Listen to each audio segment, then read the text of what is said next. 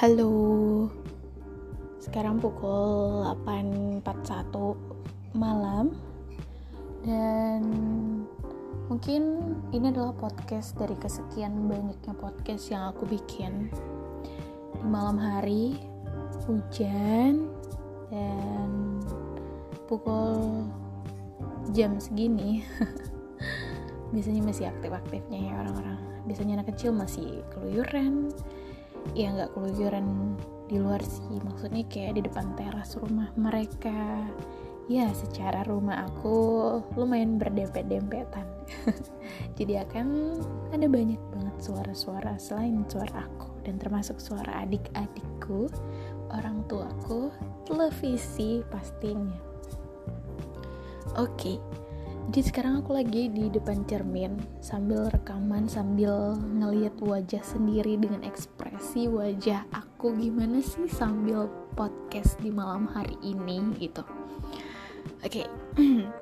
tadi aku habis lihat uh, salah satu postingan uh, teman aku dia adalah satu alumni sama aku ketika SMK di situ aku ngeliat bahwa dia menjadi diri dia sendiri dan apa adanya.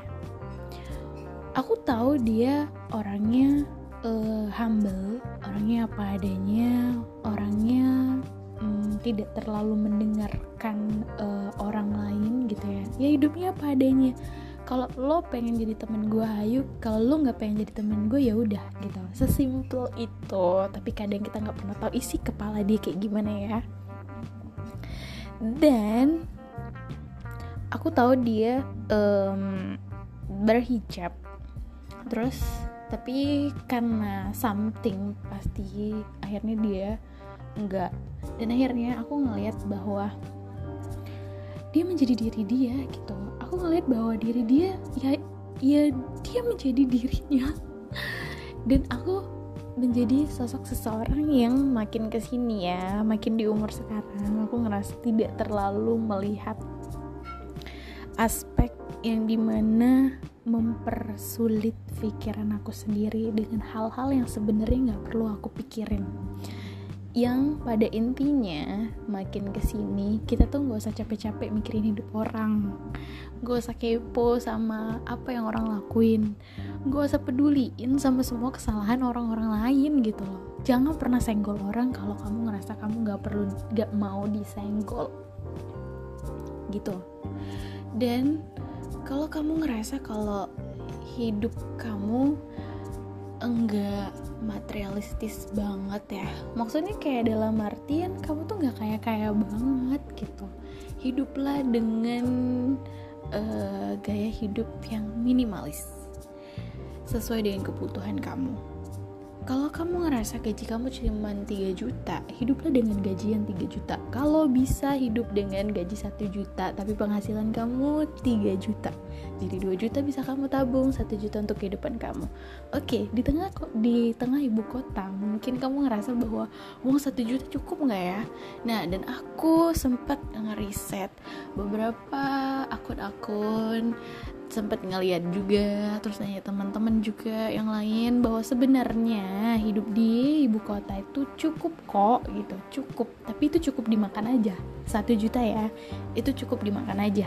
Enggak dengan baju ini segala macam Oke, okay, kalau emang nggak bisa nabung selama eh, 2 juta selama satu bulan, kamu bisa nabung ya satu juta atau 500 ribu lah ya gitu Oke, okay, aku nggak begitu tahu tentang kehidupan di luar kota, tapi buat kamu yang tinggal di luar kota, di ibu kota ya, pastiin bahwa kamu punya tabungan. Jangan sampai kamu punya gaji tapi kamu nggak punya tabungan. And then ini pesan adalah untuk diri aku sendiri dan bukan hanya untuk orang-orang ataupun para pendengar setia cerita candu.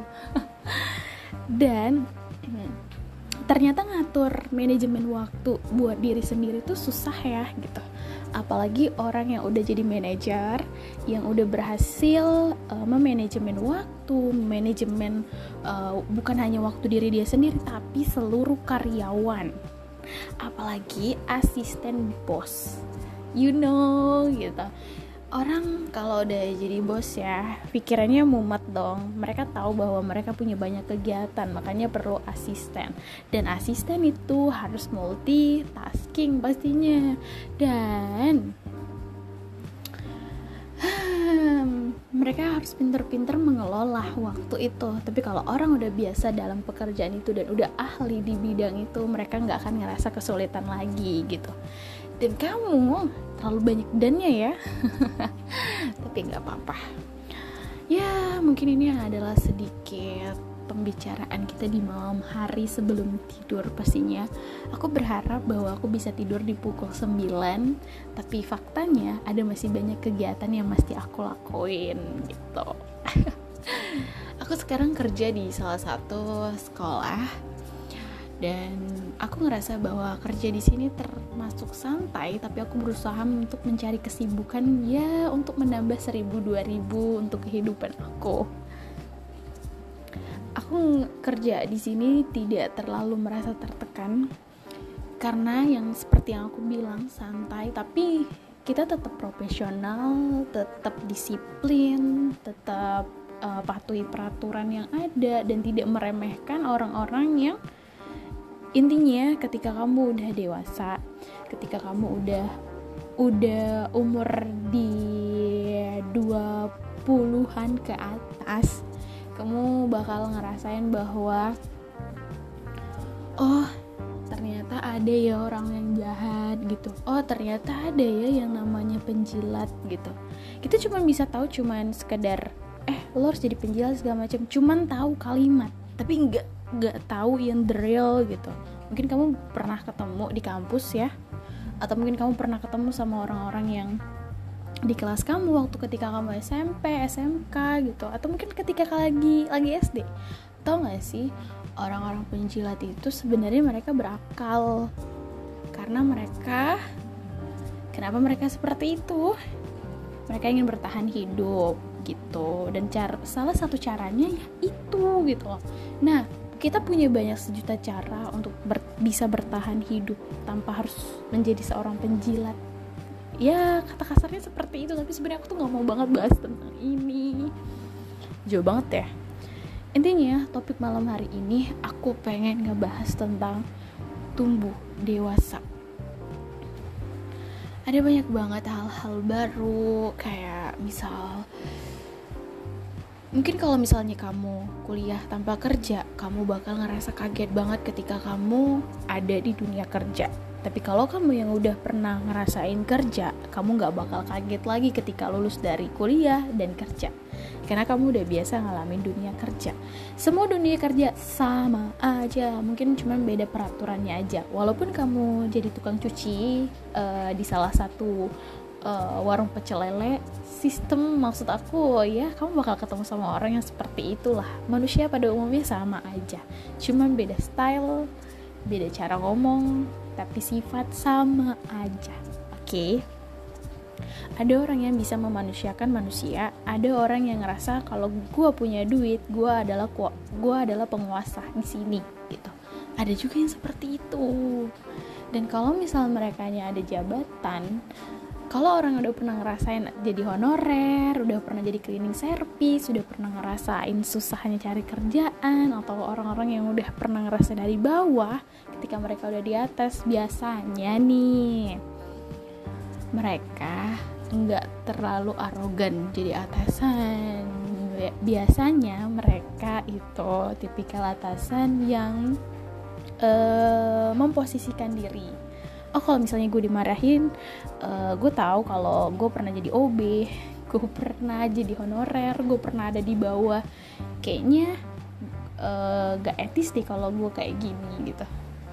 Lebih cerdas lebih uh, lebih baik lah gitu. Lebih memahami intinya kalau mereka pernah ada di bawah balik lagi ke semua orang masing-masing ya sifat masing-masing. Dan kita nggak bisa menyamaratakan sifat orang kayak gini semua nggak. Cuman uh, uh, cuman ya manusia itu sama kok sama. Dalam artian marah ya sama gitu. Terus kalau egois ya sama yang mau menang sendiri ya sama kalau lagi baik ya sama gitu. Dan dan dan dan jangan pernah menaruhkan harapan apa pun sama orang. Kalau kamu nggak mau sakit hati gitu. Jangan pernah tergantung sama orang. Kita tahu kita makhluk sosial. Dan kita tahu bahwa kita pernah hidup sama orang tua. Dan kita juga tahu bahwa kita punya saudara kakak adik. Dan uh, whatever lah apa pun ya. Kita punya tetangga gitu. Hiduplah seadanya seapa adanya aja gak usah berlebihan. Gak usah cinta banget. Gak usah sayang banget. Kasih satu atau 60% rasa cinta kita. 40% ya kita kasih untuk kemantapan hati kita. Kalau sewaktu-waktu mereka udah nggak ada lagi. Jadi kita kasih ruang sama diri buat tidak terlalu berharap untuk terlalu mencintai mereka. Karena takutnya kalau kita kasih semua rasa cinta kita ke mereka ketika mereka nggak ada kita susah buat bangkit. Kita ngerasa bahwa dunia nggak adil Tuhan nggak adil Allah nggak adil Allah nggak baik. Kenapa harus aku gitu? Kenapa gitu? Dan akhirnya karena kita nggak punya ruang untuk sedih gitu. bukan nggak bukan untuk sedih sih kita nggak punya ruang untuk mempersiapkan diri dengan semua keadaan yang akan terjadi makanya jangan terlalu cinta okay? cinta itu bukan hanya untuk pasangan aja tapi sama pekerjaan sama partner kerja sama orang tua sama saudara-saudara sama tetangga kiri kanan kadang ada nih orang yang udah ngerasa wah tetangga aku tuh baik banget loh orangnya. Ih dia tuh uh, udah kayak saudara sendiri. Masa iya sih aku harus kayak gini ke dia? Kadang kita perlu punya rasa tega. Kita perlu punya rasa untuk bilang enggak. Karena kenapa? Jangan pernah jadi orang yang gak enakan. Jangan pernah ngerasa kayak misal nih kamu mau ngomong kayak gini terus kamu ngerasa kayak takut. Ya nanti gimana kalau misalnya dia gini dia gini dia gini? Kebahagiaan orang lain bukan tanggung jawab kita. Udah oke. Okay, kebahagiaan orang lain bukan tanggung jawab kita. Kita udah memberikan semaksimal mungkin apa yang kita bisa. Jadi kalaupun respon mereka tuh nggak wah banget sama kita mereka nggak ngerasa wah gue nggak spesial nih. Kok dia nggak balasnya kayak gitu sih? Perasaan gue sama dia baik banget. Kemarin gue ngasih nasi tumpeng kok dia cuma ngasih pempek doang sih? Kemarin gue ngasih tumpeng sama piring-piringnya kok sekarang dia cuma ngasih pempek doang terus piringnya dibalikin? Nah kan? Makanya jangan terlalu dikasih banget lah. Tuh kasih 60% eh, rasa cintanya 40% nya ruang untuk kita gitu loh biar nggak terlalu sakit banget sama kayak pekerjaan sama sama sama Jangan pernah merasa kamu ada di zona nyaman. Ingat, dunia itu berputar. Kenapa aku bisa bilang kayak gini? Karena aku pernah ngalamin di fase itu dan aku ngerasa bahwa Allah maha adil banget, Allah sayang banget sama aku, Allah cinta banget sama aku. Dan aku yakin bahwa setiap apa yang udah Allah takdirkan sudah Allah berikan di hari ini, detik ini, jam ini, tahun ini, hari ini bahkan ya. Rencana Allah lebih baik daripada rencana aku. Karena kemarin-kemarin aku ngatur sendiri. Semuanya nggak ada yang baik termasuk mengenal orang-orang baru oke okay. kenapa aku bisa bilang bahwa jangan pernah ada di zona nyaman Dulu aku pernah kerja di salah satu instansi bergengsi yang di mana semua orang pengen banget kerja di sana dengan penghasilan UMR nasional. Dan di sini aku tinggal di daerah kabupaten yang di mana penghasilannya tuh untuk dapat uang 200 ribu aja udah bersyukur banget. Gaji satu juta tuh udah sangat-sangat besar.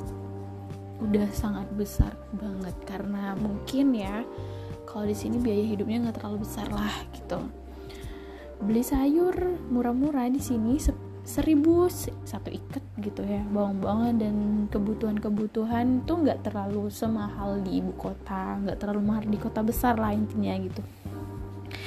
Dan aku juga tinggal sama orang tua jadi aku ngerasa ya aku aman kalau dalam air dalam uh, tempat tinggal ya.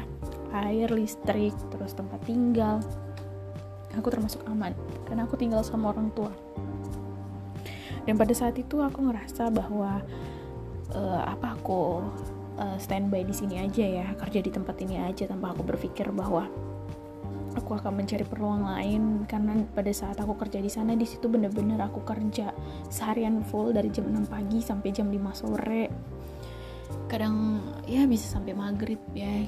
Jadi aku ngerasa bahwa ah udahlah aku kayak nggak punya waktu. Dan aku ngerasa bener-bener capek. Mungkin karena bukan fashionku di sana. Terus kedua aku ngerasa ya apa ya karena faktor baru pertama kali kerja jadi aku ngerasa aku tidak mendalami uh, pekerjaan atau tugas-tugas yang aku kasih. Aku nggak peduli sih orang mau bilang aku nggak profesional aku nggak jago di bidang ini. Whatever semua orang boleh menilai aku buruk, tapi yang aku tahu pada saat itu aku sedang belajar dan berusaha memberikan yang terbaik. Tapi ternyata apa yang aku berikan yang terbaik belum terlalu baik untuk orang lain dan ternyata e, baik menurut aku belum tentu baik buat orang-orang di sekitar aku. Jadi aku menghargain aja sih sebenarnya dan aku ngerasa pada saat aku udah nggak kerja di sana, alhamdulillahnya tidak ada uh, apa ya rasa terancam rasa takut ketika aku udah nggak di sana lagi aku harus kayak gimana? Enggak sih alhamdulillahnya. Allah kasih jalan lain. Ya walaupun penghasilan di tempat yang sekarang nggak terlalu besar tapi aku ngerasa bahwa um, masya Allah banget ya di sini aku dikasih banyak waktu untuk banyak-banyak belajar gitu. Kamu dan di tempat yang sekarang aku bener-bener kayak dikasih kepercayaan dikasih uh, lihat sama orang-orang yang mau bener-bener ngajarin aku yang aku nggak bisa bilang kalau mereka care sih. Nggak sama aja sebenarnya. Nggak ada manusia yang seutuh-utuhnya pengen banget nolong banget. Gak sih pasti akan ada timbal baliknya percaya sama omongan aku. Entah entah kapan pun atau mungkin bukan dia atau mungkin orang-orang di sekeliling dia yang inget bahwa eh lu dulu pernah dibantu sama kakak gue loh gitu. Kalau emang bukan dia atau adiknya atau tantenya atau orang tuanya pasti kayak agak inget lah gitu. Intinya harus tahu diri gitu ya. Kalau ada orang baik kita juga harus baik. Bukan berarti kita harus nunggu orang baik dulu nih baru kita baik. Nggak nggak gitu. Intinya tahu diri aja lah ya. Bukan jadi orang yang gak enakan. Bukan. Inget bukan jadi orang gak enakan. Mentang-mentang dia baik kita harus jadi baik juga nih sama dia. Enggak tahu posisi aja. Gitu loh guys. Dan uh, waktu aku di tempat yang dulu itu dari jam 6 sampai jam 5 sore kadang jam 4 sih cepet aku pulang ya. Itu bener-bener ngerasa capek banget capek mental capek fisik capek otak dan karena aku ngerasa aku nggak bisa di situ. Aku nggak bisa di situ. Dan akhirnya aku uh, aku nggak di sana lagi karena orang di sana udah nggak membutuhkan aku intinya terus mereka lebih uh, mereka pengen mencari orang yang ahli lebih ahli di bidang itu. Terus aku pindah ke tempat yang sekarang ternyata aku lebih sibuk lagi. Nah kalau aku kerja di tempat di sekolah ini sebenarnya waktunya lebih pendek daripada aku kerja di tempat yang dulu. Aku dari jam 6 pagi dari jam 6 pagi itu prepare siap-siap. Harusnya aku 6 pagi itu udah di sana jam 6 pagi sampai jam 12 itu sebenarnya aku udah pulang. Tapi karena aku ngerasa aku dulu pernah punya kesibukan dari jam 6 sampai jam 5 sore jadi setengah harinya aku nggak bisa nyantai-nyantai di rumah.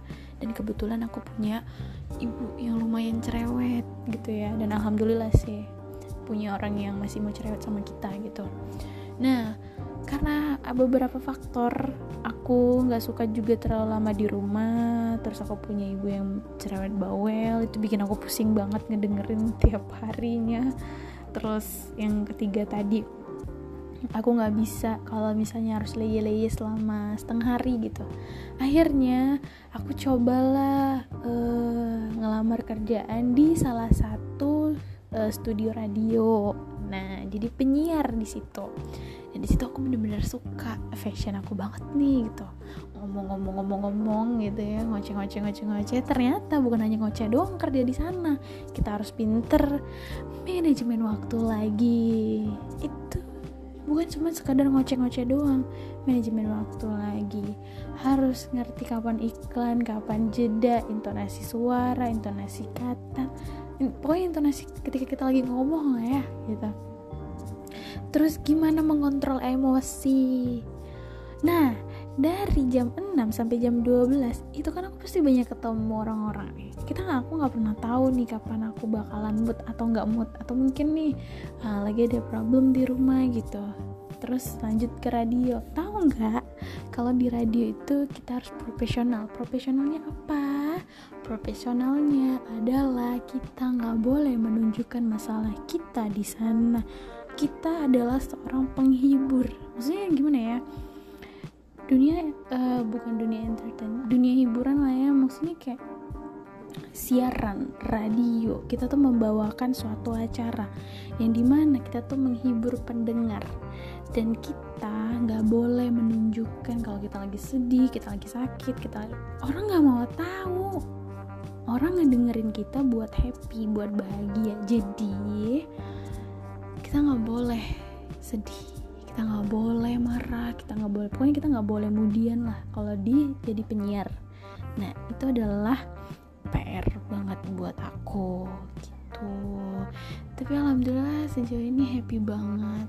Terus uh, sekarang ditambah bikin dagangan lagi. Dan ya ketika ke sini ke sini ke sini ke sini capek. Tapi aku ngerasa bahwa wah gila aku produktif banget ya gitu dan ternyata semakin kita dewasa kalau kita pengen jadi baik itu balik lagi sama diri kita. Percuma beribu motivasi mau datang ke kita tapi kalau kitanya nggak terketuk hati untuk berubah kita nggak akan berubah. Mau orang tua kita ngomel setiap hari setiap detik setiap menit setiap hari gitu. Nggak akan termotivasi juga kok sama kita buat tergerak gitu. Tapi kalau dari hati kita yang paling kecil kita konsisten buat berubah jadi lebih baik insya Allah Allah tidak akan merubah nasib seorang hamba kalau kitanya nggak mau bergerak gitu. Aku ingat satu kata-kata. Berdoa tanpa usaha itu sia-sia. Tapi usaha tanpa doa itu sombong. Jadi lakukanlah semuanya itu berbarengan usaha sambil berdoa dan percayalah terkadang usaha kita nggak seberapa. Tapi Allah kabulin lebih dari usaha kita. Dan aku udah pernah coba itu di tahun lalu di 2022 Desember. Semua rencana aku terkabul. Dan tahu kenapa? Karena aku yakin karena aku percaya. Dan tahu kenapa lagi ternyata takdir itu adalah takdir baik. Makanya semua keinginan aku pada saat itu terkabul. Ternyata memang Allah pengen itu terjadi. Tapi tahu nggak lagi nih ya? Kita punya rencana. Tapi mungkin dari beberapa rencana kita punya lima rencana atau mungkin enam rencana empat terkabul satu enggak tahu enggak satu ini mungkin bisa jadi musibah bagi kita. Jadi jangan pernah merasa satu bencana ini jadi suatu masalah besar buat kita. Tapi lihat oh ternyata empat ini udah berhasil Allah kabulkan. Kenapa enggak Allah kabulkan yang terakhir yang kelima? Mungkin itu adalah musibah buat kita. Oke okay. sampai sini udah paham kan thank you semuanya udah mau dengerin. Sorry kalau misalnya uh, beberapa obrolan agak surang uh, kurang gak nyambung. Ya dinyambung nyambungin aja lah ya. Thank you banget yang udah mau ngedengerin. Sampai jumpa di podcast berikutnya. Bye bye